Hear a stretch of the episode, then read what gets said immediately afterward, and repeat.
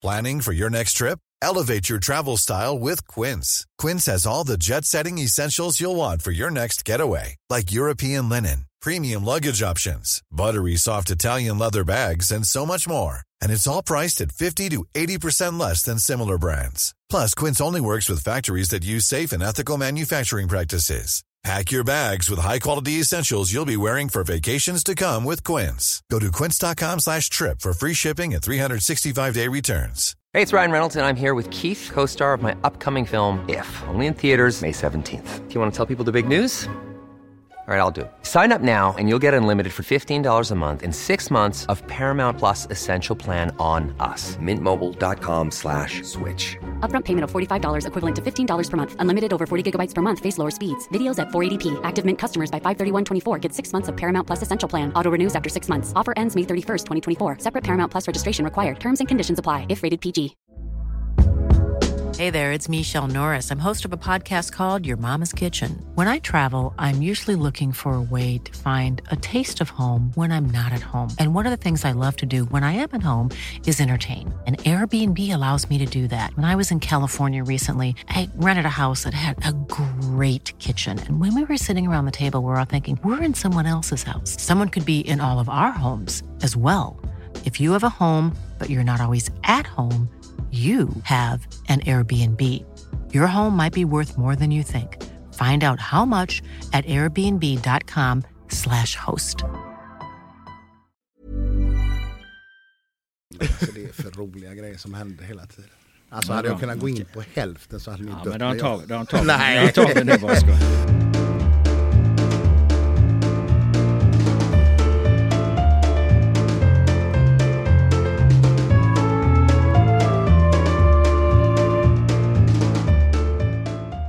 Hej och välkomna till GPs fotbollspodd som fortfarande saknar ett namn, men där vi fokuserar på Göteborgsfotbollen i allmänhet och Göteborgsfotbollen i synnerhet.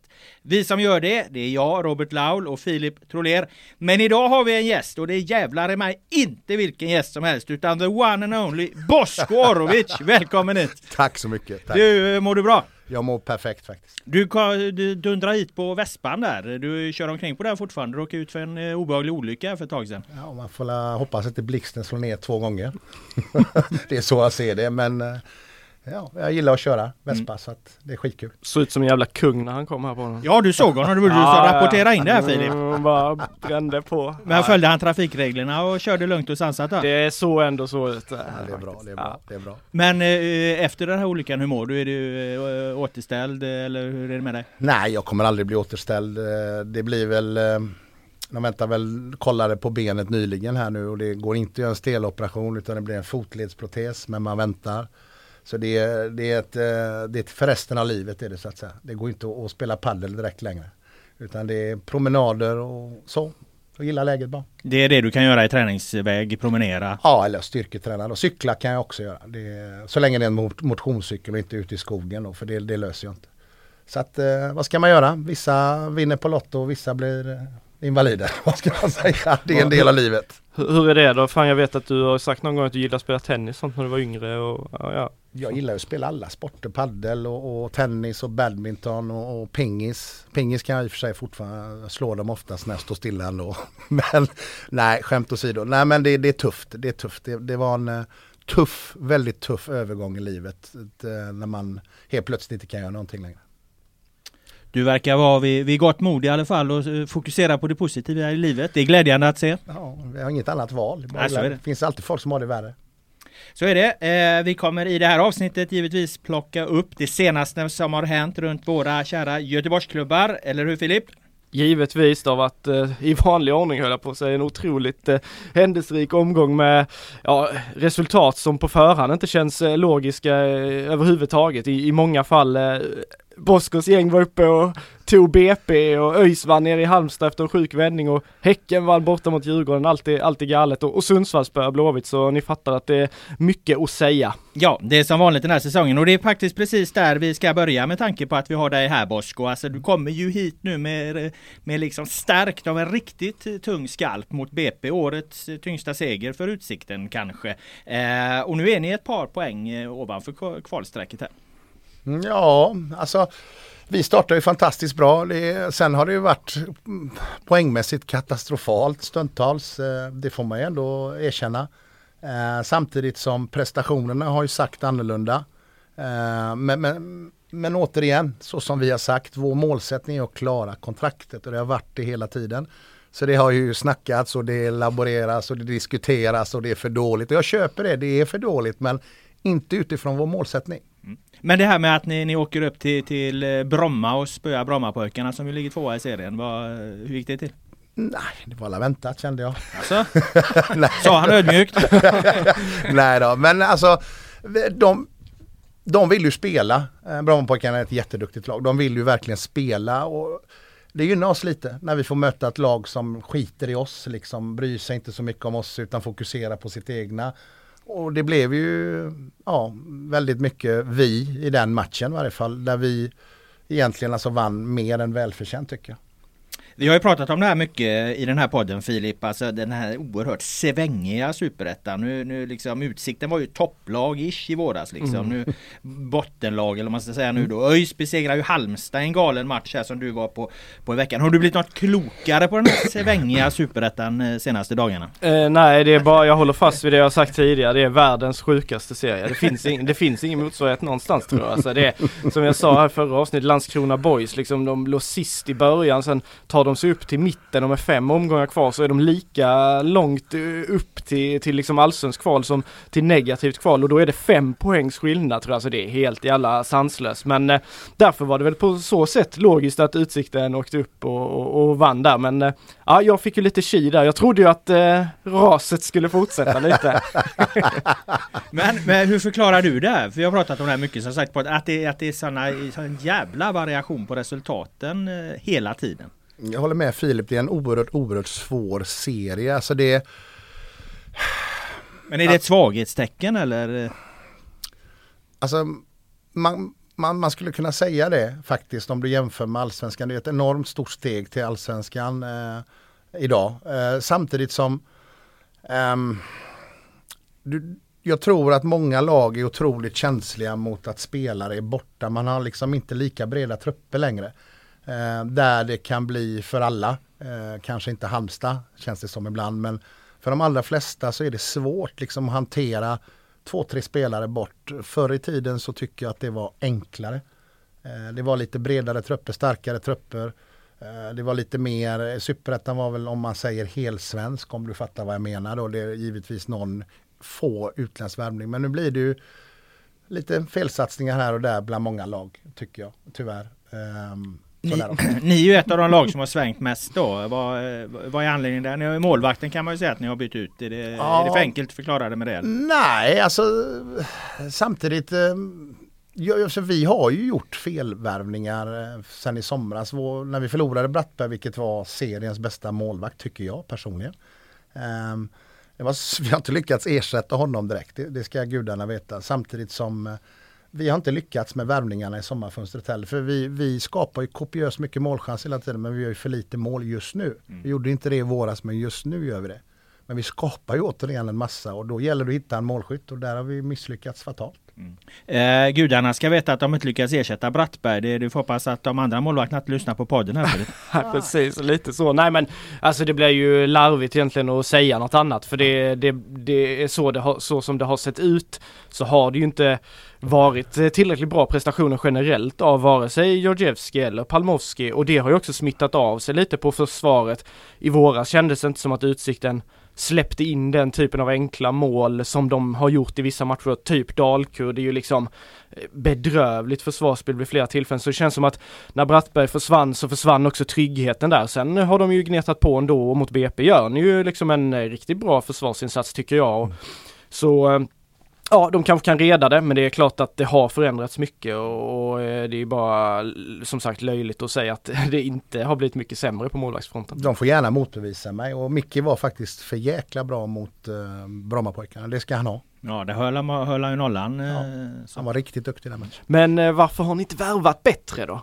Det känns ju liksom som att ni borde ju ändå kunnat eh, få, få lite mer effekt. Det är ju inte så jättemånga värvningar överlag den här säsongen som har varit riktiga fullträffar. Nej, alltså jag har själv varit då när jag var i Gais var man ju ansvarig för det. Det, det är inte alltid så jäkla enkelt men, men just alltså det så kallade sportrådet totalt sett i år har, har vi inte lyckats. Eh, det är bara att konstatera varför. Ja, jag, jag tror jag tror någonstans att karaktär, för, förr trodde jag inte det, karaktär är så kopiöst viktigt i en lagidrott. Och, och, det blir nog svårare att hitta karaktär utifrån när man värvar utländskt. Vi har värvat rätt så mycket utländskt. Um, så därav så tror jag att um, vi har misslyckats en del. På grund av att det är enklare när du går ner och kollar en division 1 match och så pratar du med folk och så lär du känna personen och får höra en hel del det blir liksom enklare då. det, här, det här spanska Magnus Persson samarbetet där, har det stärkt eller rört till skulle du säga Utsikten? Alltså, jag gillar inte att vara dummare men alltså det är inte lätt så återigen att lyckas på, på dem. Hade vi lyckats så hade vi legat i topp. Eh, stärkts eller försvagat oss eller förstärkt oss. Alltså om, om vi tittar utifrån hur det har gått. Jag är högst delaktig som tränare det också. Så jag lägger, men vi har ju lite misslyckats efter sommaren. Mm. Det, det, det ska gudarna veta. Vill du att det fortsätter det här spanska samarbetet eller är det enklare liksom i din roll att hålla det in-house eller vad vi ska kalla det liksom? Nej men alltså jag har inga åsikter, fortsätta eller inte fortsätta i den bemärkelsen. Jag gillar Magnus Persson och fruktansvärt mycket. Det är, det är ju alltså jättekunnigt folk. Eh, Sen får ju vi liksom ha, sätta oss ner när det här är slut och så får vi sitta och diskutera vad jag kunde gjort bättre, vad de kunde gjort bättre, vad Ingmar kunde gjort bättre. Det är så många som kunde gjort saker bättre.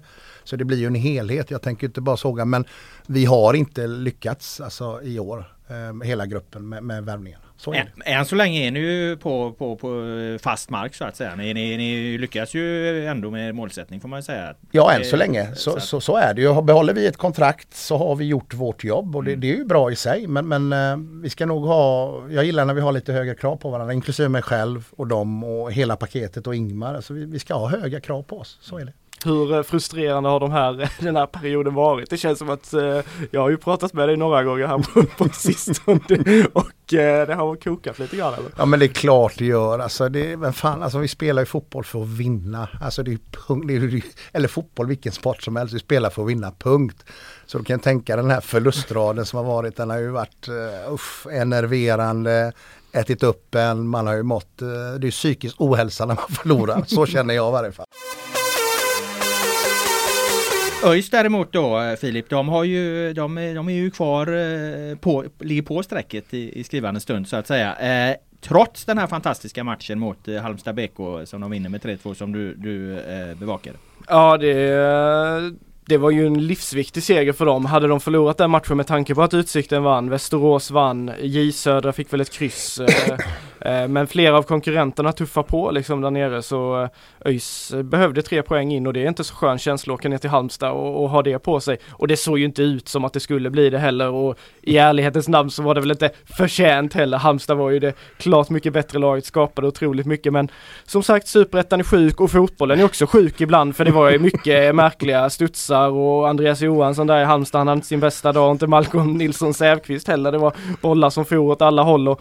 Nej men det sista målet där var det väl, det blev viralt ju i eh, princip. De ja, det, med varandra. ja, de springer. ja, det ser för jävla dråpligt ut liksom. Men det var ÖIS Lycka och Bärkroth som då har fortsatt där i den här centrala anfallsrollen. Han gör två mål och han är ju ändå där och han är och stör Ante där i den löpdelen och det är ju det som gör det liksom. Så tar han inte det jobbet så tar inte ÖIS det jobbet hela matchen så lyckas de ju aldrig vända även om Halmstad bjussade på en jädra massa liksom. Så, men en otroligt viktig seger för ÖIS och om man snackar att segern mot BP boostar utsikten eh, i ett viktigt läge så är det exakt samma sak här nu. Nu, nu, nu lever ju rödblått på riktigt. Och de fortsätter att vara bra mot eh, bättre lag så att säga? Ja, de har själva haft någon tes där att de har, har sett bättre ut och nu har det väl då be bevisats här med 4-0 mot Brage. Då körde de ju över dem men, men eh, Halmstad här, här har de ju lite tur men de har faktiskt gjort bättre prestationer eh, även tidigare mot BP eh, och, och, och någon någon annan som jag inte kommer på nu men, men det har varit Halmstad-premiären exempelvis. Det har varit bättre, bättre prestationer mot topplagen och sen har de inte alls varit särskilt bra då mot typ Östersund och, och sådär. Eh, vi har ju ett eh, segment här vi kallar det för Svennisskalan. Vi tar ut tre spelare från eh, våra matcher vi ser. Eh, eh, bedömer dem enligt bra, mycket bra och mycket, mycket bra. Ska berätta för dig Bosko, det gör vi för att när Svennis var kommentator i VM 1994, han var en fantastisk fotbollstränare, inte lika bra expertkommentator. Det enda han sa det var att han tyckte något var bra.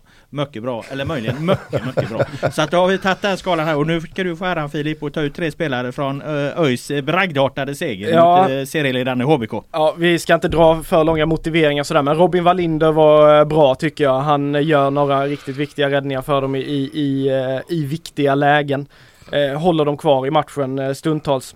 Sen lyckas han också sänka en drönare som eh, flög in över planen i början av andra halvlek. Ja, det borde han ju fan få mycket, mycket bra Ja, det borde han nästan få. han får nöja sig med bra. Jag tycker Herman Sjögrell var mycket bra. Han eh, fick chansen igen från start.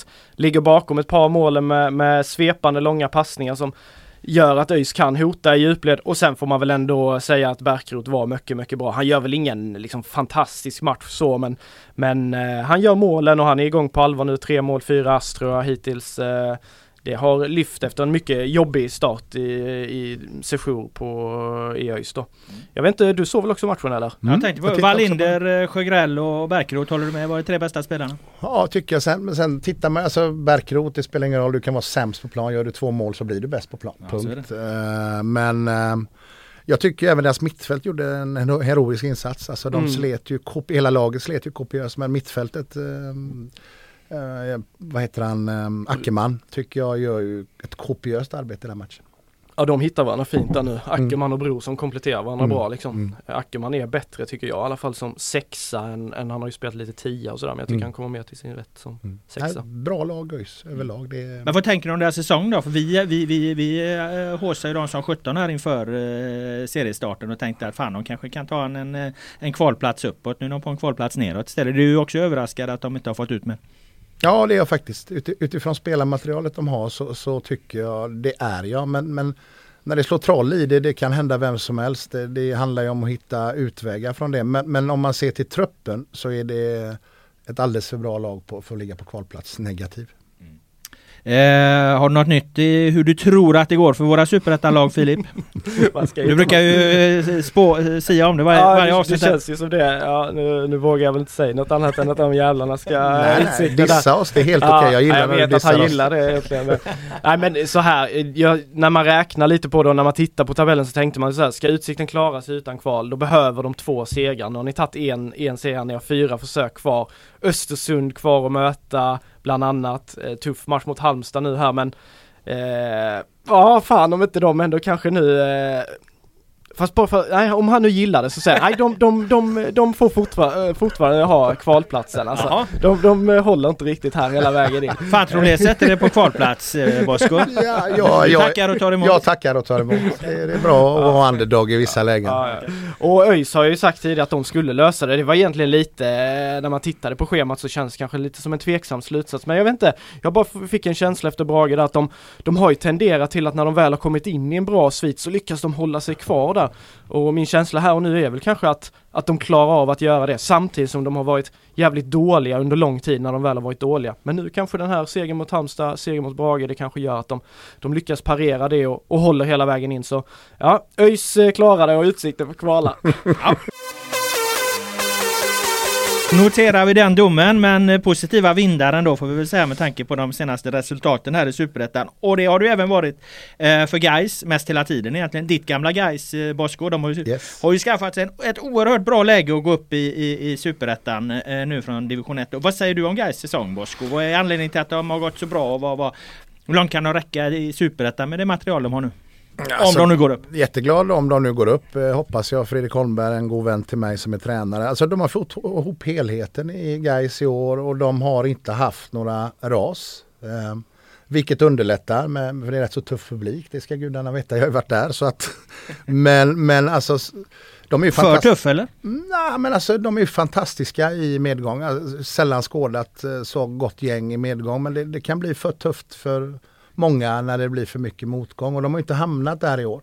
Och på grund av det så tror jag helheten har funkat. Jag är glad för att det har funkat. Jag är glad om de går upp också givetvis. Till superettan ehm, så vitt i 17 hur truppen skulle ta sig? Jag kan inte svara på det men jag tror säkert att de kommer behöva nyförvärv. Det, det är jag rätt så övertygad om. De har ju ihopspelat lag men man ska inte underskatta division 1 heller på det sättet för våra spelare, många av dem spelar i division 1 förra året och de, de har gjort det, väldigt många har gjort det väldigt, väldigt bra i år i Superettan. Mm. Om du hade fått ta en gubbe från Geist till ditt utsikte, vem har du tagit? Just nu hade jag inte tagit någon. Alltså? Så Ah, nej, ja, nej, jag Det hade var inte tagit fel någon. va? Den, Ja. den ödmjukheten klär dig inte riktigt. Nej men jag kände bara, nej jag satt och gick igenom i skallen snabbt. Men jag, jag hade faktiskt inte tagit någon, även om det är många duktiga spelare så hade jag inte gjort det. Och om jag var tvungen att välja så kommer jag alltid välja Agge Wängberg liksom. Det, det är en spelare jag har haft med mig länge. Ja, han är, ni har kamperat ihop några Ja, gånger. Eh, Axel Henriksson, Jätteduktig. ni ville ha han inför säsongen? Nej, vi hade diskussioner om honom hade vi. Han vet allt. Vad eh, säger du om Boskos svar här eh, Filip? Du Eh, tror inte riktigt på honom eller? Han säger att han inte vill ta det, honom? det är säkert någon han, han gärna hade. Men alltså Wängberg så här. Tittar du på, på liksom profil på lagspelare så är det ju, det är ju få som, som är så liksom, ja, gör allt för, för sitt gäng liksom och, och sliter och gör egentligen aldrig en riktigt dålig match. En sån spelare är väl alltid fint att ha. Sen tycker jag väl inte Wängberg stuckit ut mest av spelarna. En sån som Gustav Lundgren tycker jag har varit fantastiskt bra. Grostanic har varit fantastiskt bra. Och Axel Henriksson, han hade ju jag valt för fan om jag var, ni, ni hade mått bra av en sån här Ja, riktig box till box gubbe. Mycket möjligt men eh, nej men det är alltså jättekul. Jag hoppas verkligen det håller i sig. Eh, Men de har en tuff match mot Falkenberg nu och den kommer vara rätt så avgörande. Mm, ja vi ska gå in på den Ja, för att det är ju seriefinal eh, här närmast nu Filip eh, som ju Bosko är inne på. Ja, det är det. Och det är en jävla fet match får man säga. Gais vann ju över Kviding, tog, tog derbysegern där. De har städat av alla de här uppgifterna på vägen fram. Falkenberg städade av sina, sina grejer, vann över Lindom med 4-2. Eh, så nu är vi liksom här vid den stora matchen. Falkenberg kommer dit med 20 raka utan förlust. Gais har en förlust på de 21 senaste så det är Det låter som Utsiktens svit där fast tvärtom eh, för ett tag typ så ja. Vad glad han blir nu. ja där fick du, fick du öppet Ja. mål kan man Ja säga. det kan man säga. Eh, ja, men det är ju en otrolig, i, i division 1 så och just med den storleken på de klubbarna i en division 1 kontext så är det ju ett otroligt stort möte och det ska bli väldigt, väldigt spännande att se, se hur det slutar. Guys får väl ändå anses vara något av lite favoriter nu när vi, när vi vet liksom förutsättningarna helt. Eh, de har ju inte förlorat eh, på, på hemmaplan men eh, det kommer ju bli, Falkenberg blir en tuff nöt att knäcka alltså. Jag var ju på eh, eh, damlandskampen här, eh, Sverige-Frankrike och eh, den här eh, mattan på Gamla Ullevi ska ju hålla nu för tre matcher. Eh, jag pratade lite med Elin Rubensson om det efteråt. Hon berättade att hon hade skruvdobbarna på. Hon gjorde en jävligt fin insats. Eh, men det kan nog vara ett, ett, ett, ett tips inför den här matchen att, eh, att den, den, den kan nog släppa en del planen där. Det är ju en vecka bort och, och det ska spelas en match till där innan. Så att, eh, vad, vad tror du, hur påverkar det de här lagen utifrån hur de vill spela? Ska det verkligen vara en match till? Jag tror Gais är först ut. Ja, Gais är först ut de här. Ja, då blir det ÖIS och sen blir det Blåvitt då. Ja, ja. Det är tuffast för Blåvitt. De får definitivt ha skruvdobbarna Ja, på men oavsett, jag tror Gais behöver skruvdobbarna också. Och Falkenberg då. Jag tänkte på hur, hur, hur liksom, eh, i, när det är en sån jävla viktig match liksom och dessutom på vad som kan bli liksom eh, ganska genomtrampad plan. Ja, nej jag tror kanske, alltså det är klart att Gais har en fördel av att de känner mattan och sådär men jag tycker ju Gais i år ändå har varit ett, kanske framförallt ett spelande lag snarare än att de har vunnit så de har haft lite mer problem på bortaplan när det har varit lite sunkiga gräsplaner och sådär nere i, i Lund mot Torns och sådär. Eh, Falkenberg, jag vet inte hur deras matta ser ut. Det är jävligt svårt att säga liksom vem som drar fördel av det men Ja, jag vet inte fasen om jag tror kanske ändå att eh, Falkenberg kan vinna lite på det för jag tycker Gais har varit väldigt bra på det spelande liksom. Så eh, ja, ungefär så. Ska du se matchen Bosko eller? Eller har ni samt? Nej, ni lirar måndag. Nej, vi har måndagsmatch. Jag ska troligtvis se matchen om det inte kommer upp någonting annat Mm. viktigare man måste göra. Men troligtvis till 90% kommer jag se matchen. Har du sett något av Gais i år liksom? Jag har sett två matcher bara. Jag har sett. Men eh, jag håller med dig, det, det är ett spelande lag, det är ett skickligt lag och de håller ihop, de är tajta. Eh, så får inte jinxa det, så jag tror ju att Falkenberg är favoriter just i den matchen. Du tror det? Ja, jag tror det. Jag tror att, eh, jag tycker jag har mött eh, Falkenberg, jag tycker de är väldigt, väldigt skickliga. Mm. De har väldigt många bra spelare eh, som är underskattade, så jag tror det är en tuff fight för Gais. Jag hoppas givetvis Gais vinner, men Ja, ni hade dem på försäsongen där, några matcher bland annat. va? riktigt bra lag. Alltså mycket speed, mycket action, Mm. det händer saker. Så att det, det är ett skickligt lag. Mycket skickligare än man tror. Men vinner guys så är det i princip eh, champagnekorkarna ur eller Mm. även om det inte är definitivt klart va? Ja nästan, det är bara, då är det tre matcher kvar att spela, Gais har nio poängs försprång. De ligger ganska jämnt målskillnadsmässigt men att Gais ska mot Åtvidaberg, Lund och IFK Malmö ta noll poäng, det händer ju fan inte. Även om Gais är lite experter på att choka kanske men eh, det, det tror jag verkligen att de, eh, de löser. Så vinner de då, då, då är det fan med klart helt. Det, det, det tror jag inte någon kan, kan säga emot. Firar du i så fall Bosko? Hur nära guys hjärta? Det är Hur ligger jag- de ditt hjärta? Nej men de ligger väldigt nära mitt hjärta och alltid gjort och kommer alltid göra. Så att det är klart jag firar. Mm. Jag blir jätteglad för deras skull. När du tittar tillbaka på tiden där då, hur, hur ser du på det? Nej men alltså det var ju tufft, herregud. Jag menar det var så mycket som var jobbigt under den perioden med olyckan och allting som hände. Alltså det blev ju ett drev. Jag gjorde bort mig. Sen, jag kommer aldrig acceptera en viss typ av, eh, även om de är väldigt få, acceptera en viss typ av mobbing eller säga ord, alltså är det, du är värdelös och det här. Så att jag ser tillbaks till att jag lärde mig kopiöst mycket. Kopiöst mycket eh, under den perioden. Det, det var tufft, jättetufft, men det var väldigt, väldigt lärorikt. Och jag menar, jag har inte tappat någon kärlek till guys eh, förutom de här en procenten till de idioterna. De kommer förbli idioter, kommer alltid vara idioter. Eh, Däremot så är resterande fantastiska. Så att... Men när du säger att du gjorde bort dig, vad lägger du det? Alla kan inte hela historien. Nej men det är väl mer när Linus, när Linus, eran gamle eh, reporter här, när han sken upp när han frågade mig efter en match där jag var het som fan och jag sa dömde ut hela publiken vilket jag absolut inte menade men det blev så, det fick jag ju ta konsekvenser för. Det var ju en, en stor del till eh, det här drevet som kom igång då. Även om man genuint från hjärtat inte menade allihopa utan det var de här få idioterna. Det gick aldrig att laga det riktigt kändes nej, det som. Nej, nej men alltså det, det, det fick jag också ta lärdom liksom. Eh, prata inte när du är som hetast. Det känns rätt så onödigt. Har du verkligen lärt dig av det? Ja, jag pratar aldrig efter förluster när vi spelar matcher och sånt här längre. Är det sant eh, Filip? Ja med, med, med mig pratar han men, men nu är han ju i utsikten, det är ingen som kan bli arg på honom. Nej. Det är väl Ingmar. Ja, nej. nej. nej men skämt åsido, det eh, vi uppskattar ju det naturligtvis, alltså folk som säger vad de tycker och som vågar liksom Sen när- det, ja, det blir fel ibland och, och jag förstår liksom Gais-supportrarnas frustration där. För det blev där och då liksom som att det var, det är liksom ni som är felet här liksom. Mm. Fast man å andra sidan då fattar att det är ju inte hela publiken han menar. Och, och det finns eh, supportrar där som liksom går över, över alla gränser precis som det finns i, i alla lag där det är mycket engagemang och, och det är ju naturligtvis eh, förjävligt och, du fick väl utstå mycket, det, det kan man väl säga. Det, det fick jag göra. Men, men som sagt, jag har inga problem att folk tycker och tänker. Det är jätteviktigt. Så Gais är ju ändå för mig, för mig en stor klubb kommer alltid vara. Sen vad andra tycker, det spelar ingen roll. Men, men samtidigt, det, det gynnar ju inte någon och, och, om en spelare är dålig alltså, och trycka ner han i skolan. Liksom, den här Sunderland till I die. Liksom. Hur går det för Sunderland? Liksom? Jag bara frågar mig. Jag tycker det bara, det säger ju allt.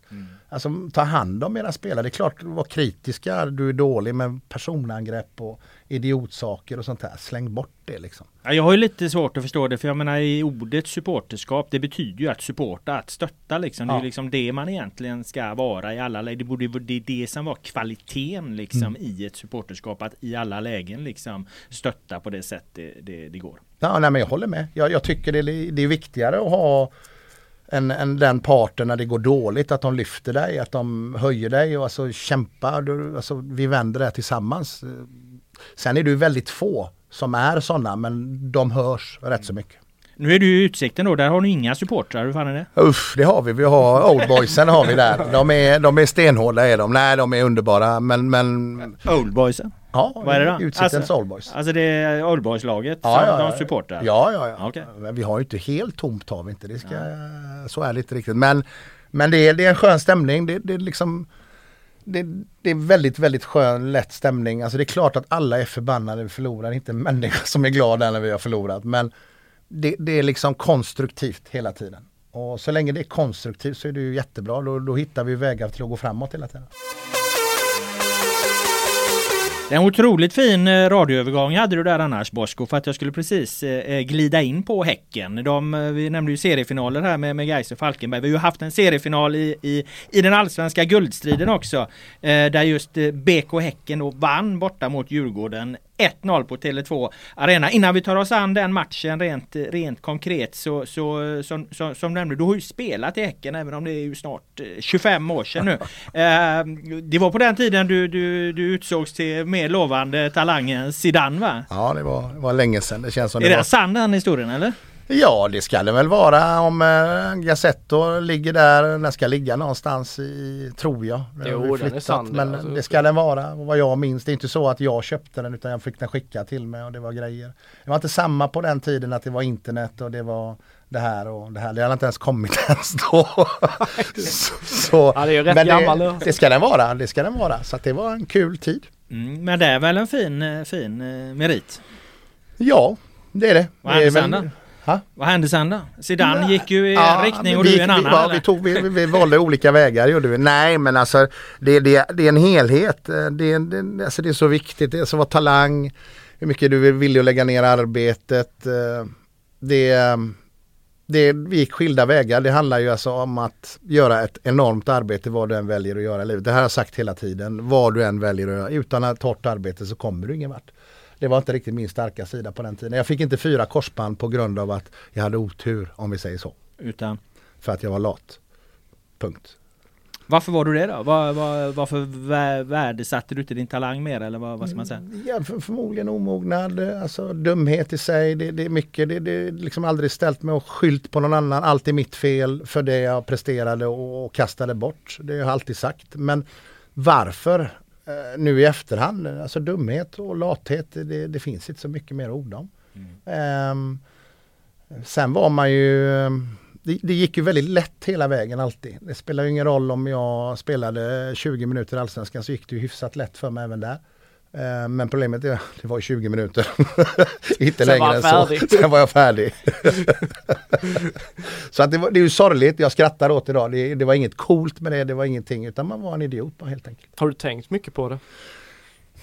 Alltså det poppar ju upp alltså utifrån hur utstakat det var, hur det såg ut och hur mycket det snackades. Så det är klart att man har tänkt på det. Nu, inte nu de senaste tio åren kanske men innan det så var det ju rätt så tungt att veta, veta hur man kastade bort det man egentligen hade i handflatan. Var det ingen som kunde liksom ta tag i dig? Någon morsan eller farsan eller tränare eller, eller du var så liksom? Vad hade, vad hade du för tränare på den tiden liksom? Som, inne på, som... Nej men alltså jag hade duktiga tränare. Det var Allan Walli, det var Jörgen Olsson, det var flera stycken, Micke Källström. Eh, det, det, var många duktiga tränare. De sa ju en och samma, det blev liksom ett mantra. Man liksom inte var mottaglig på det sättet. Utan det var ju alla som sa, alla visste ju liksom. Eh, men det finns ingenting och någon att skuldbelägga förutom sig själv. Det är så simpelt är det.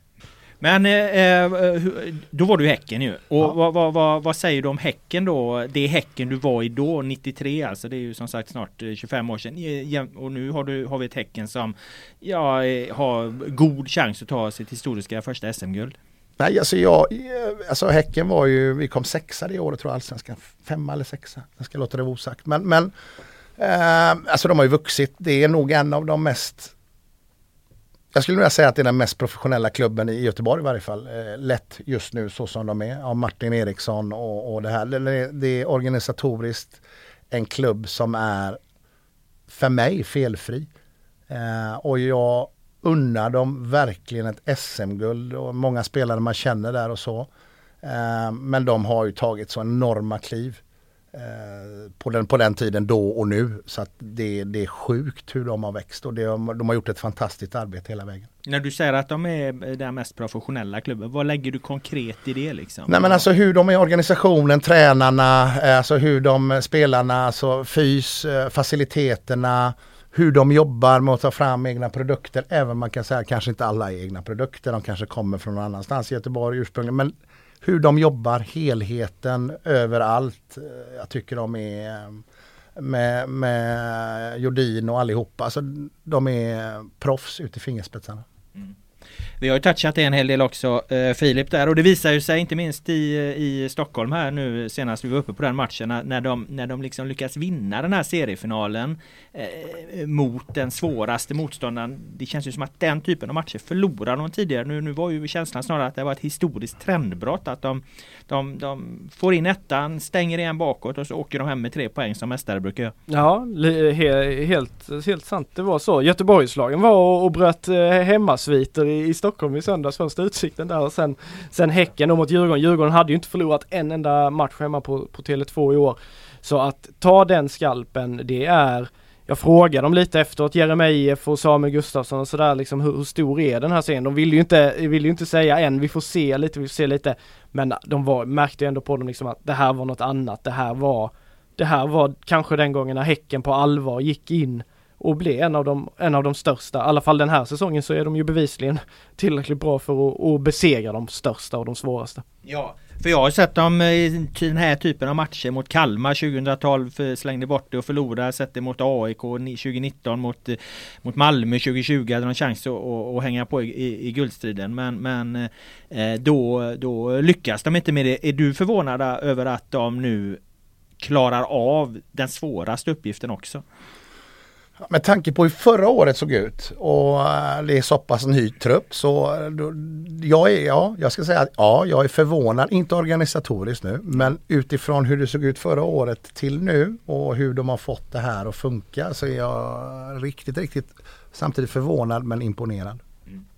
Ja, de har ju haft eh, extrema problem generellt med topplag på bortaplan. Det är mm. ju inte bara i fjol utan det är flera säsonger liksom där de de har ju inte haft en suck i de matcherna ofta och det har ju varit helt annorlunda i år. De har inte förlorat en enda bortamatch liksom. Och de har mött i princip, de har Blåvitt AIK kvar så de har ju liksom tagit många av de svåraste hindren. Så ja, otroligt imponerande. Att, att det kan vara så i en förening att de, de förlorar de svåraste matcherna hela tiden. Kan man bara härleda det till eh, spelarmaterialet för dagen i den enskilda matchen eller kan sånt sitta i en förenings eh, identitet någonstans att man liksom viker ner sig. Vad, vad har du för bild av det Bosko? Nej men alltså det, det, det, är klart det kan. Alltså att det kan sitta att man, är, man fegar ur innan matchen mentalt. Eh, eh det, är absolut, jag menar när Real Madrid kommer till en semifinal i Champions League så tänker inte nu, jag tror att någon är nervös där. Jag tror, jag var då det här har vi varit i 5000 gånger. Så, att, så det, det, är klart det gör, men, men jag tycker ju att Häcken har påvisat en enorm mental styrka i år.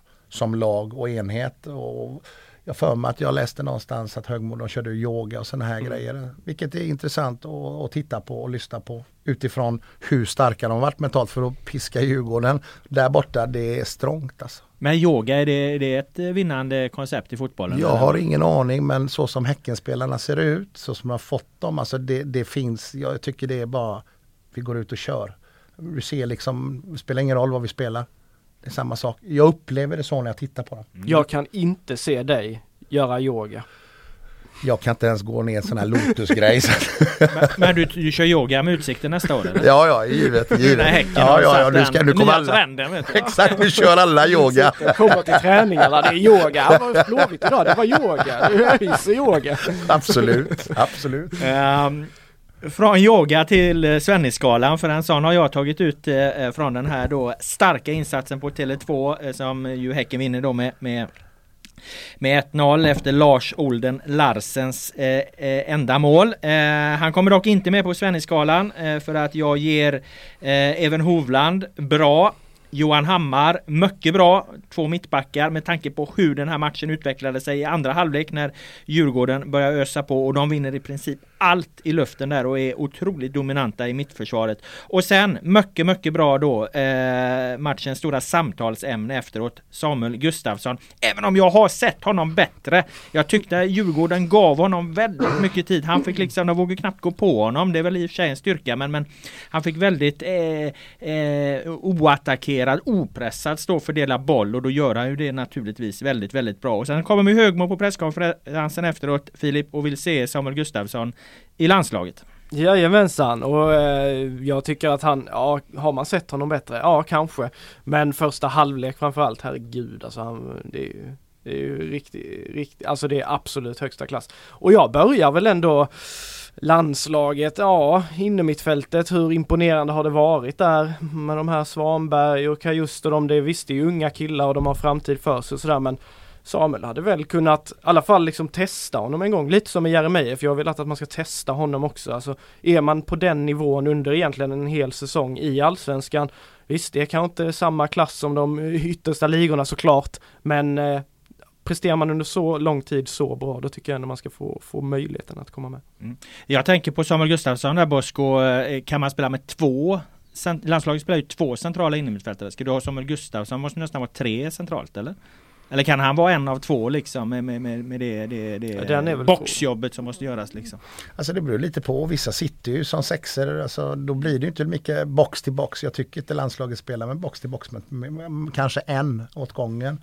Men jag håller med. Jag tycker Samuel Gustafsson är klass. Uh, sen uh, om han ska vara med i landslaget eller inte, det, det, vet jag inte. Men det är en klassspelare rakt igenom. Jeremejeff tycker jag skulle fått chansen för länge sedan dock. Mm. Det där mm. jag ville hålla med. för att den storleken och den funktionella tekniken och den rörelsen, det, det, det är jobbigt att möta. Varför tar inte Janne ja. med honom? Liksom? Det får du fråga Janne. jag vet inte. Alltså, jag tycker bara synd om Janne. Han får massa skit här nu. Han har gjort för jävla mycket bra och gjort det jättebra. Visst, det har gått lite sämre och nu får han skit. Men jag har allt förtroende i Janne och tycker han är jätteskicklig fortfarande. Så att jag vet inte varför han inte tar ut honom. Det kan vara i åldern. Det kan vara massa aspekter. Men men eh, jag tycker det har varit jättekul att se Jeremejeff i ett A-landslag. Eh, det jag tänkte på, eh, eller har tänkt på efter den här matchen nu mot Djurgården eh, som, som Häcken vinner, det är att jag, jag det känns, nu känns det verkligen som det är guldvibbar på riktigt för att det, det, känns också som att det finns mer att ta av av det här laget. Jag menar Mikael Rygaard var inte ens med mot, mot Djurgården. Jeremejeff som ni, ni pratar om här nu, han, han har inte gjort mål på ett, ett par matcher. Jag tycker att Simon Gustafsson, han, han, han snuddar ju ibland vid sitt max men, men absolut ingen, ingen hundraprocentig hundraprocentiga insatser över 90 minuter ännu. Så det känns som att Häcken har liksom en nivå till att ta fram de här sista matcherna. Jag vet inte om ni köper det. Du, har ju bara vunnit mot Djurgården borta och de, du, du förväntar dig att det är ännu exakt, mer. Exakt, Efter, just eftersom det. Eftersom Rygaard var inte med. Ja, Jeremejeff gör inga mål och Simon har mer att komma med. Ja, jo, jo, om de, men då ska ju alla de andra fortsätta maxa också. Är det rimligt att förvänta sig det efter en lång säsong? Alltså, ja, visst, lite till kanske de har kräma ur, men jag tycker de är på så jävla hög nivå redan så jag vet inte om man mm. ska tro det. Jag vet Va? inte vad Bosko säger. Ja, vad säger du Bosko? Eh, nej men alltså, jag eh, vill ju hålla med dig att det finns mer att hämta. Eh, ut, alltså från dem och de har haft lite ojämna prestationer här och där, vissa spelare. Men överlag och ligga etta allsvenskan och, och, och så nykomponerat lag, ny tränare, allt vad det nu är. Och det, det är ändå imponerande. Men det finns alltid mer att kräma ut ur ett lag. Mm. Alltid. Vad tycker du om Högmo då? Fantastisk, vad ska jag säga liksom. Men det, det, det är bara superlativ, fantastisk människa. Pratat med honom en hel del som vi lånade lite spelare. Men jätteduktig tränare, fantastisk tränare och fantastisk människa överlag. Och det, det är kul och när Göteborgsfotbollen är med igen. Ja, för det var det jag skulle leda in detta på. vad, vad, vad, vad, vad tror du liksom om Häcken tar det? Vi, vi, vi, vi, vi säger att Häcken vinner det här guldet och, och eh, sticker iväg ännu mer ekonomiskt då i förhållande till exempelvis IFK Göteborg här. Mm. Eh, hur påverkar det Göteborgsfotbollen om de blir en större maktfaktor? Hur påverkar det IFK Göteborg? Vad, är det bra för Göteborg eller vad, Alltså, som fotbollsstad, vad, vad, tänker du kring det perspektivet? Alltså Göte, IFK Göteborg är ju sett då om man tittar till supportrar och allting. Det har ju varit det största laget bra länge i, i Göteborg. Men jag tror det är bra för Göteborgsfotbollen att vi, för jag är lite trött på Stockholmslagen om man ska vara ärlig och, och likaså Malmö FF. Ja, vem fan är inte det höll på Nej men alltså jag, jag, jag unnar verkligen Göteborg som stad att, att Häcken skulle vinna ett SM-guld. Sen hur bra det är för Blåvitt, vet inte. Jag hoppas ju att det blir en blodad tand och, och fler lag i Göteborg börjar rycka upp sig. För det, det, det har inte varit en positiv trend på Göteborgsfotbollen på bra länge. Nej. Så att jag, jag, tror verkligen att Göteborg som stad skulle växa om Häcken tog det här och jag tror att det kan bli blodad tand för Blåvitt bland annat. Då.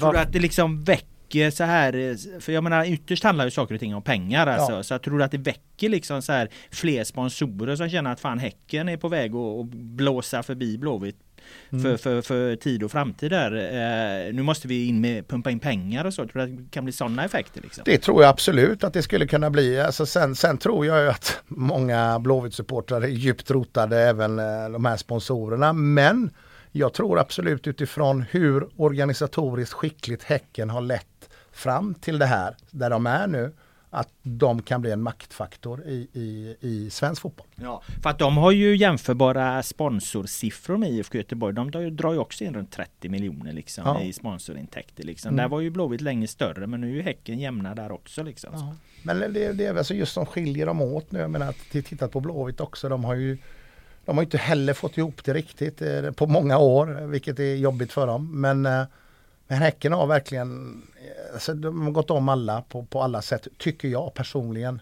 Eh, Ett bra tag framöver här nu. Alltså, det är jättekul för Martin Eriksson, ett års sportchef, att vinna SM-guldet direkt. Det hade varit skitkul. Va- varför tror du att vi har haft det så dystert i Göteborg då? Alltså inte, vi har ju pratat en del om guys och sådär när du var där, men Mm. liksom i det breda perspektivet. Alltså vi har ju eh, vi har ju suttit trender med att kicka tränare hit och dit. Eh, vi vi är väl rätt så ledande i Göteborg, Blåvitt bland annat, Gais och, och ÖIS. Så det är rätt så många. Jag tror inte riktigt på det utan stabiliteten för det, det, det krävs en längre, och då pratar vi inte bara tränarstaben utan vi pratar även ovanför att det finns en stabilitet, alltså en, en idé, så här jobbar vi. Du kan liksom inte direkt alla de här supporterna, även om de gör det med hjärta och själ och allting och jag köper att de ska reagera. Man måste ge saker och ting tid. Då menar inte jag att du ska gå in och förlora. Vi har målsättningar tydliga. Alltså som styrelse, vad är vår målsättning i år? Till exempel Blåvitt om vi tar upp dem. Ja, vi ska, vi ska vara topp 8, eller vi ska vara topp 8. Då får man nöja sig med det. Men det är ofta, de högst uppe kommer ju inte ut med vad är vår målsättning. Vi kan ju inte varje år, ja vi ska vinna. Det går ju inte men ni måste vara så tydliga ut mot supportrarna och tydliga så det här vill vi göra, så här vill vi göra, så här många ungdomar vill vi ta upp, jobba med dem. Akademin ska bringa det och det och det. Men jag tycker inte tydligheten finns längre utan det är väldigt otydligt. Du kommer ner, du kör igång och så ligger du femma som kanske Blåvitt gjorde eller sexa och så faller det ner och allting är värdelöst. Det funkar inte riktigt så. Alltså, tydlighet tror jag och kommunicera ut mot supportrar och fans vad som är att vänta. Men menar du nu när du säger det här det som har varit IFK eller eh, räknar du in nu mild styre, Stares styre också i det här? eh, Nej men alltså en helhet, alltså tydligheten har saknats i Göteborgsfotbollen. Vad vill vi, hur vill vi? Alltså Blåvitt har investerat en massa på, eh, pengar och kanske felvärvningar och så vidare. Det har hänt inte det enda laget i världen, det har hänt så att vi är överens. Men jag tycker inte det är en tydlig linje hur vill vi arbeta. Jag tycker inte den finns och då pratar vi högst upp i toppen från styrelsen och ner till tränaren och ner till akademin. Tydlighet, hur vill vi jobba? Det är en sak att skriva ner du vet, en sån här röd tråd. Men det är en annan sak att agera. Det är en sak att säga jag älskar dig, det är en annan sak att visa att jag älskar dig. Och det är där du kan skriva ner vad du vill så länge inte det följs eller du har tydlighet i ditt arbete. Men vad jag menar är att nu har ju Mild kommit in där, nu Ja. är Stare där. Då måste man ju någonstans ge dem tid tänker jag. Annars är man ju tillbaka till det du säger. Till- att- absolut, till ruta ett. Och det är det du menar? Ja. Att ge nu de fem år och så att du får stabilitet där liksom. Riv inte upp allting igen. Det- Nej, det, det tror jag definitivt inte på. Utan, men samtidigt så hur tydlig är handlingsplanen uppifrån? Det vet jag inte IFK. Jag har ingen aning. Jag kan liksom inte uttala mig om det. Men jag tycker det har Göteborgsfotbollens problem har varit tydligheten hur vi arbetar. Fick du tillräckligt med tid i guys? Alltså jag, jag, jag ska lyssna nu, jag är självkritisk i efterhand. Det är klart att jag första året där, vi, vi gjorde ju väldigt bra perioder hela tiden och så kom vi ju ner eh, i Problemet är att nu är jag 50 bast. För jag har först fattat hur viktig karaktären är i fotboll. Jag är alltså inte först nu, men för några år sedan, två år sedan, tre år sedan.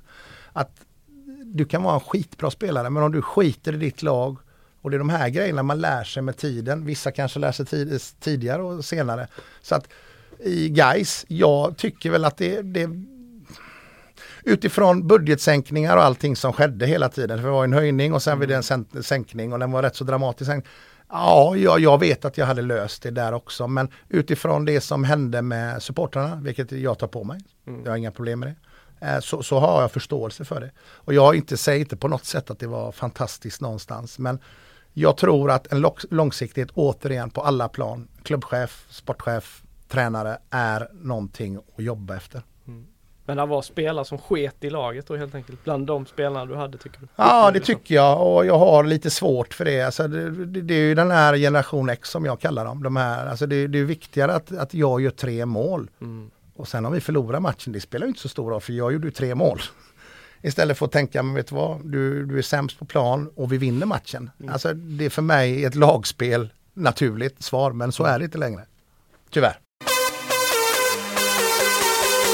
Stor diskussion det där, eh, för det har ju förändrats under hela, hela 2000-talet egentligen att eh, fotboll mer ses som en karriärväg än en lagsport som det var när du och jag lirade. Mm. Eh, Bosko, den, den knuten löser vi inte här. Däremot var vi inne lite på IFK Göteborg, Filip, som vi åkte på årets stjärnsmäll den här omgången får man väl ändå säga. 0-3 paus mot, mot jumbon i Allsvenskan, GIF Sundsvall. Nu blev det ju 3-2 till slut då, vilket, vilket ju liksom blev en match som la en dimma över en i grunden halvokej säsongen då eh, skulle jag säga för att nu, nu, nu, nu är allt plötsligt väldigt negativt runt IFK Göteborg fastän de, de är ju på sin mittenplats som de flesta av oss ändå trodde att de skulle hamna på. Vad, vad, vad tänkte du om den här stjärnsmällen mot Giffarna?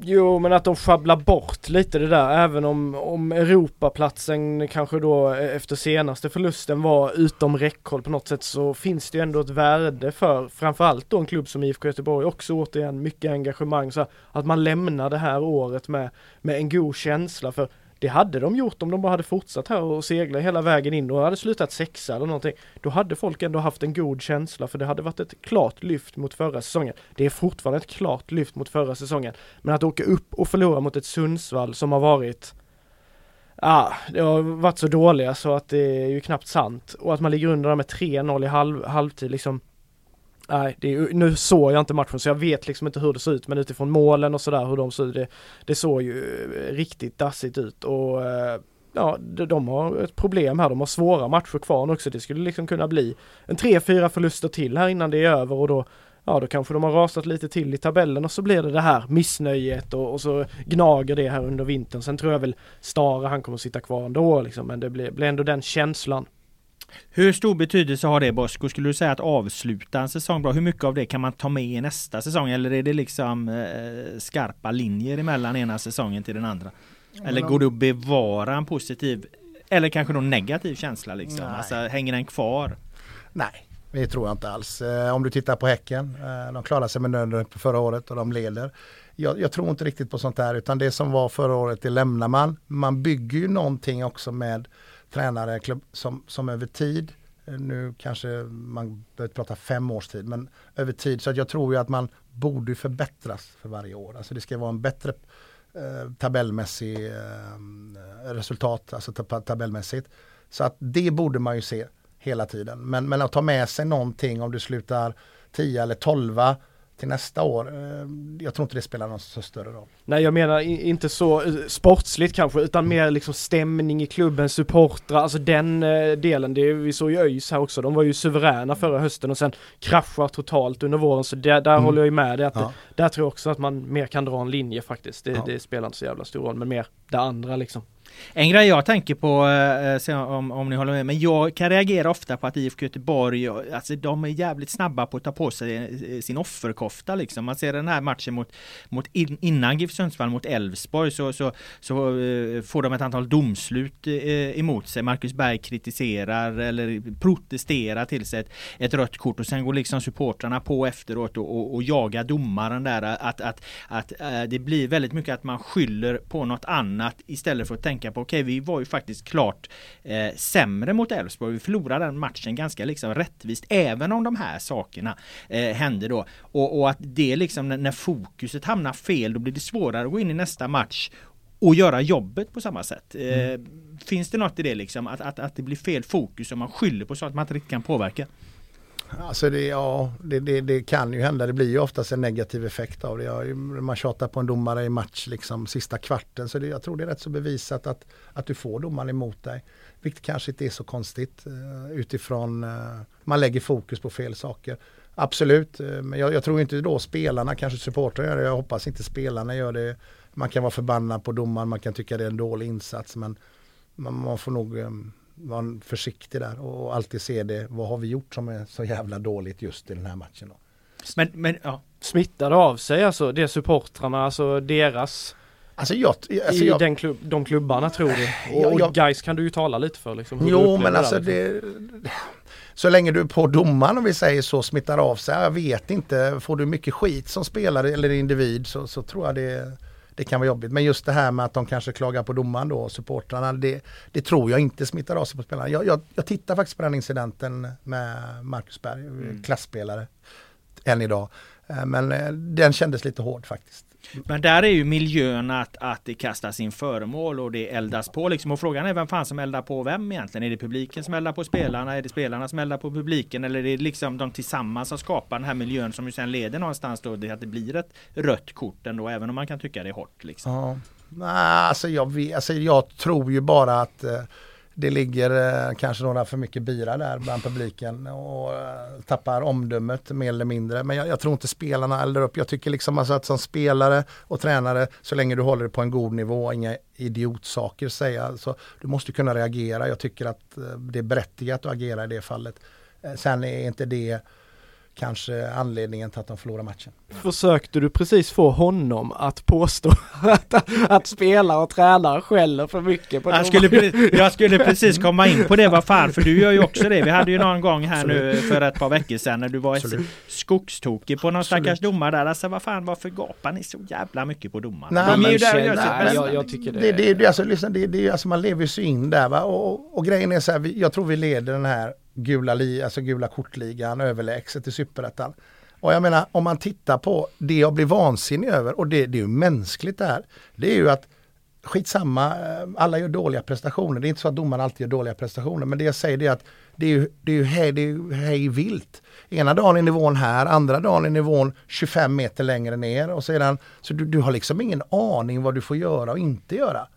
Och, och jag tror fortfarande att de här publiklagen har en fördel kontra de ej publiklagen när det gäller eh, varningar och sånt. Det är jag rätt så övertygad om. Ja så är det ju. Storklubbar har ju domarna med sig till förhållande till de små som inte. Ja. Det är väl det enda som är bevisat liksom. Att, Ja. att, att, eh, har du en stor jävla publik på din sida så påverkas domarna lite grann av Ja. det. Det, det, det är väl det forskningen har kunnat slå fast. Liksom. Ja. Så att, men, men, men storklubbarna vill ju ofta få det att låta som att de inte har det. Liksom, att de har domarna emot sig och så. Men, men det, så är det ju inte. Nej, nej det är det ju inte. Jag- Det är inget medvetet heller från domarna utan jag tror bara det, det är någonting som sker. Eh, Så att, eh, men men eh, jag, jag, just det här du pratar om, alltså, jag, min personlighet att leva sig in i matchen. Jag, jag är med dem på matchen konstant. Jag känner att det är jag, liksom. jag kan inte ta bort det. Och då pratar vi rätt så ofta om det. Spelarna får ju säga till mig för vi har ju samtal och allting om det stör dem. Men det gör de inte. De säger vi, vi hör ju inte dig ändå. Nej men alltså det blir ju så. För någonstans det är rätt så skönt att veta att de har fokus på det de gör. Är det aldrig någon som lackar tillbaka? Du skäller ju ibland på eh, Quintero, han fick någon av, Ja. avhyvling mot Västerås och sådär. Nej men alltså grejen är så här. Alltså, om, om en helhet ska fungera så måste vi göra utifrån vår modell. Hur jobbar vi i försvarsspel till exempel. Du kan ju inte säga ja när du ska bli inbytt eller liknande eller när du ska starta matchen och sen gör du helt tvärtom. För då, då jobbar ju du åt ett håll medan de andra tio jobbar åt andra hållet. Och då, då kan man bli förbannad för då är det ett ansvar, ett eget ansvar man har. Fråga hundra gånger istället innan. Och så har vi bara vi förstår varandra och det, ja, då blir man förbannad. Jag, ja, men jag håller inte riktigt med dig där, liksom det här att spela, för jag gillar ju det här, alltså såklart att det inte ska gå till överdrift, men man måste kunna, fotboll handlar, det handlar ju bara om känslor liksom, och att det brinner till och tänk en match mellan Blåvitt, Elfsborg, rivalmöte och att de liksom, det blir mycket känslor och sen när man kan vara resonerande om det i efterhand och att man kanske till och med ber om ursäkt till domaren eller sådär. Det tycker jag ändå, alltså då är det, då är det fine liksom. Och, eh, sen publiken som vi sa i förra avsnittet, alltså där handlar det fan bara om egenansvar liksom. Det är klart att du kan ryckas med och det är mycket känslor hos dem också. Allt handlar om känslor. Men man måste ändå tänka en gång extra där.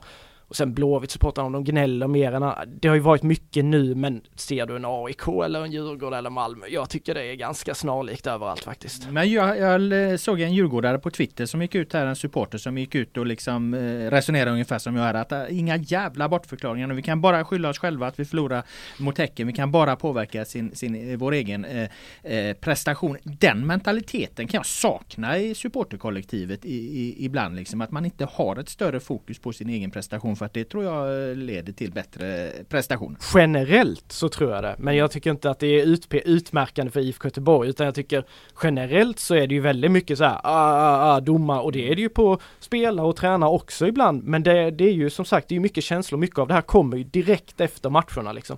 Och det måste man ju också ha, ha respekt för. Men sen har vi pratat om det Filip också att, att blir det för jävla, tappar man respekten för mycket mot domaren, blir för mycket fokus hela tiden, då hamnar vi också liksom i den här VAR-grejen, liksom att man driver på mot det. Vad tror du om det?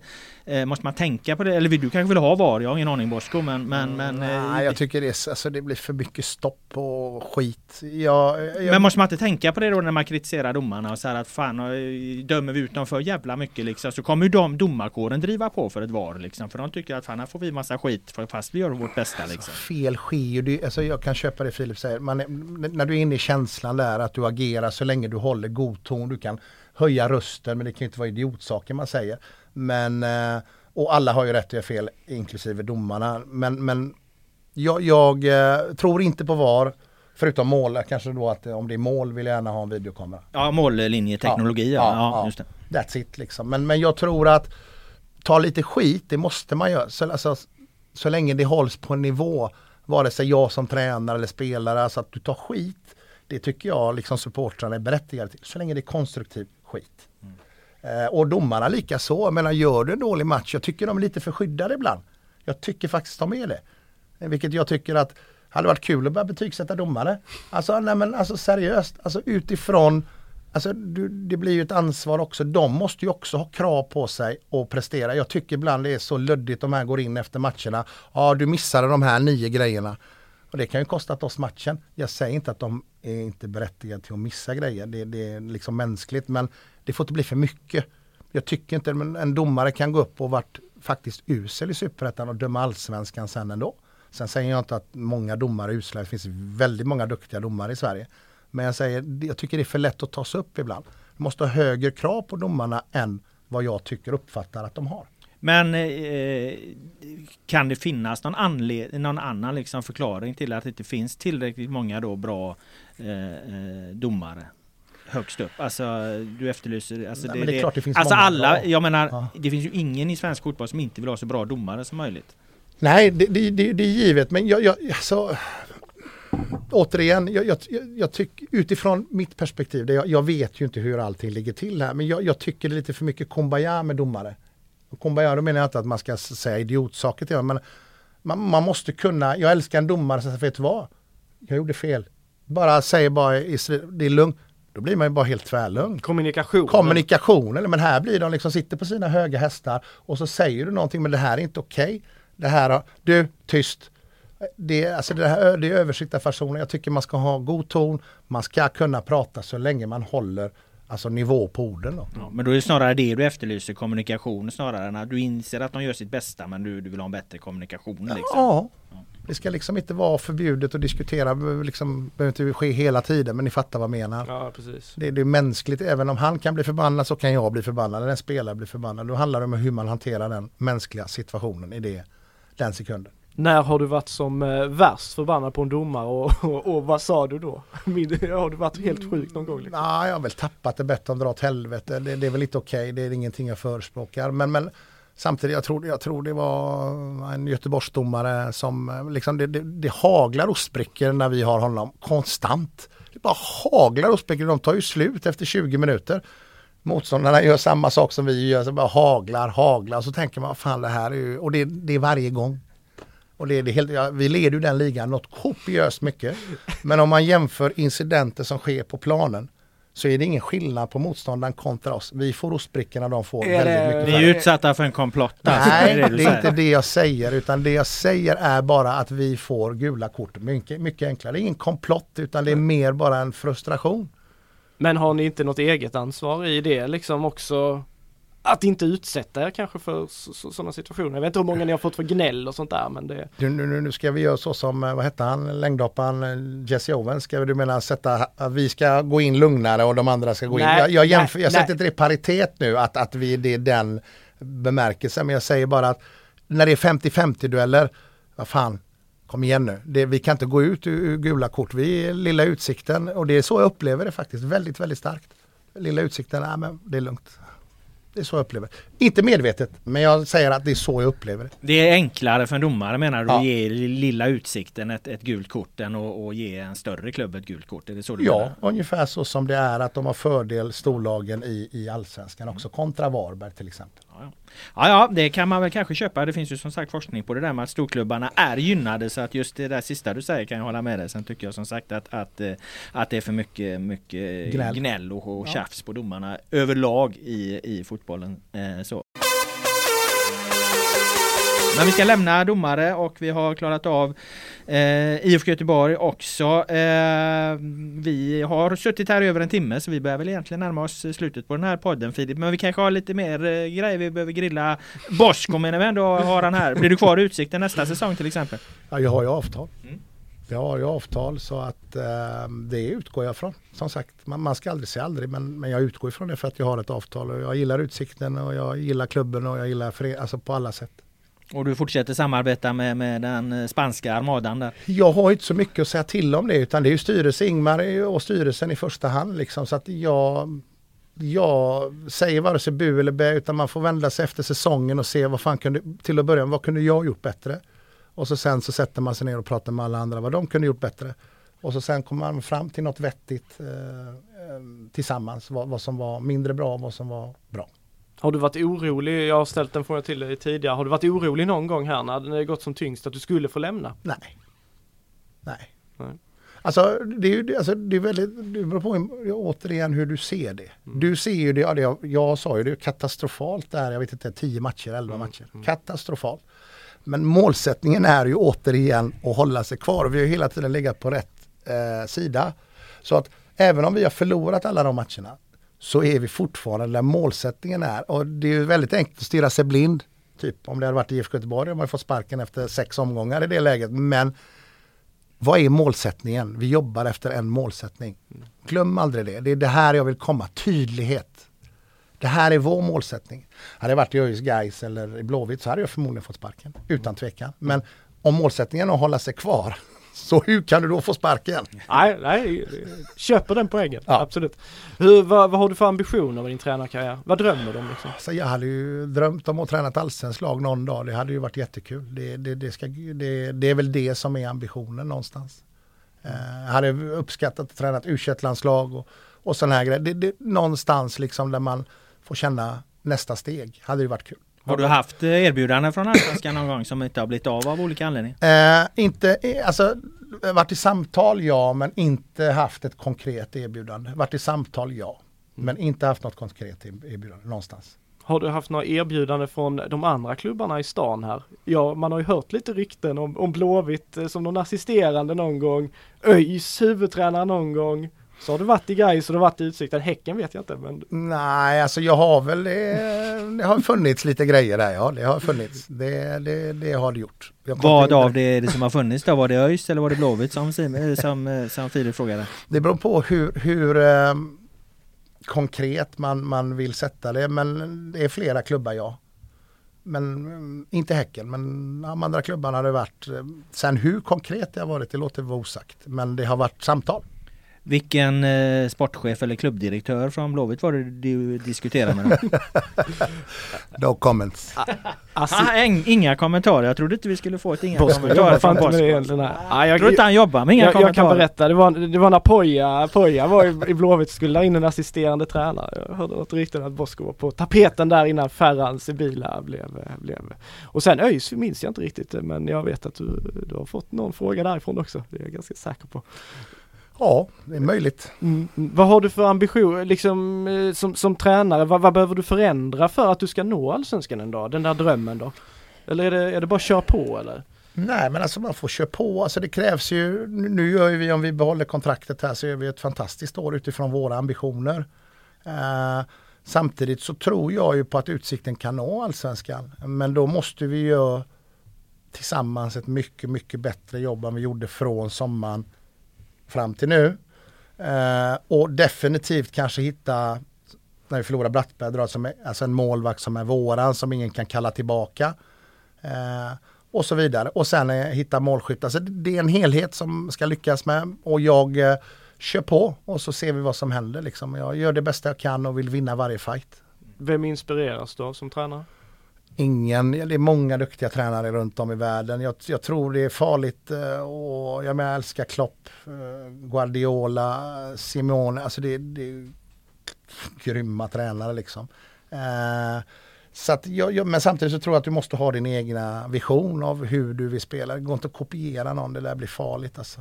Nu kanske det inte är så troligt men någon gång i framtiden skulle du kunna tänka dig att träna guys igen. Om det skulle, mot förmodan får vi faktiskt säga. Nej, nej. Jag älskar guys, tolkat det här på något fel sätt nu. Men nej, jag been there, done that och jag känner bara att det, det, det är för mycket R man fick. Eh, lite, alltså det var, det, vissa gick för långt. Så, så, nej, det skulle jag faktiskt inte kunna tänka mig. Du har ju varit i, i, i du har inte bara varit tränare här i Göteborg, du har varit ute i, i, i landet också i, i, olika klubbar. Vad är det liksom konstigaste, konstigaste situationerna du har hamnat i under din eh, tränartid? alltså jag har hamnat i konstiga situationer. Eh, ja. Jag, jag sa ju upp mig syrianska så kan vi säga. Varför det? Jag, jag, orkar liksom inte gå in på det. Det är någonting jag lämnat, det är så länge sedan och, och sånt. Så det, det kändes bara fel. Så att det var därför. Skulle det vara farligt för dig att berätta om det? Nej, det tror jag inte. Och eh, varför gör du inte då? Nej, jag känner bara att, att uh, man får ha det som har varit har varit och, och det, det liksom man får gå vidare från det. Uh, man har varit i konstiga situationer i livet många gånger. Och, det var bara någonting som jag kände just då. Mm. Vad lär man sig? Man lär sig kopiöst mycket. Man lär sig kopiöst mycket med, med allting här i livet. Det du gör bra och det du gör mindre bra. Och, och um, man, man, ska nog sätta sig i, för, för, för att bli en vinnare så måste du misslyckas ett par gånger. Det, det är så i livet. Och, och um, man lär sig kopiöst mycket med nederlagen överlag. Vad är det konstigaste du var med om i Gais tycker du?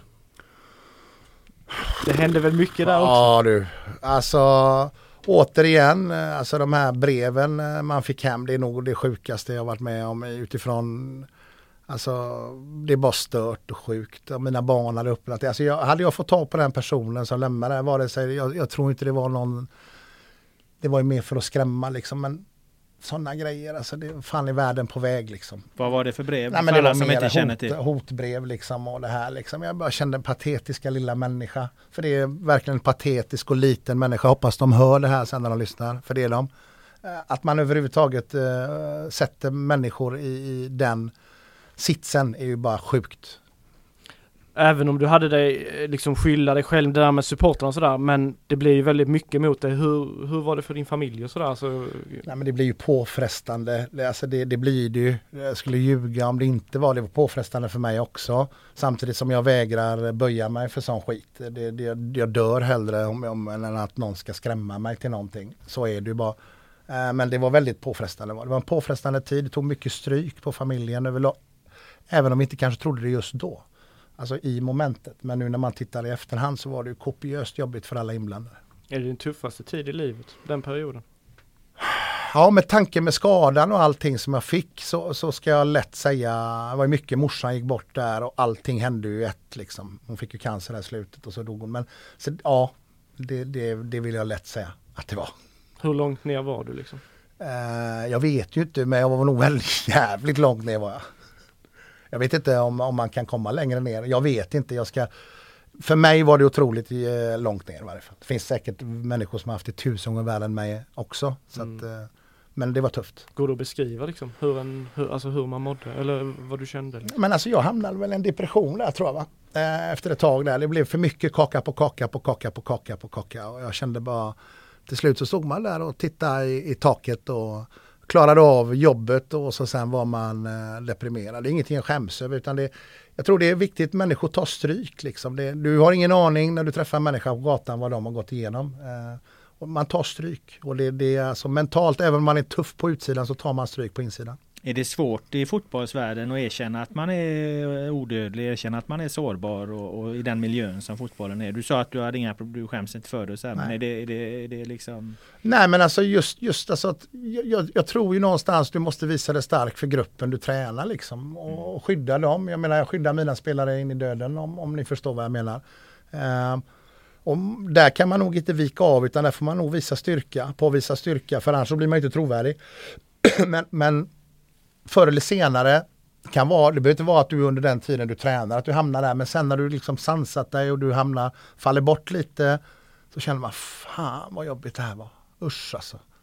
Det var tufft så att eh, vi är bara människor. Mm. Övervägde du att sluta med fotbollen helt?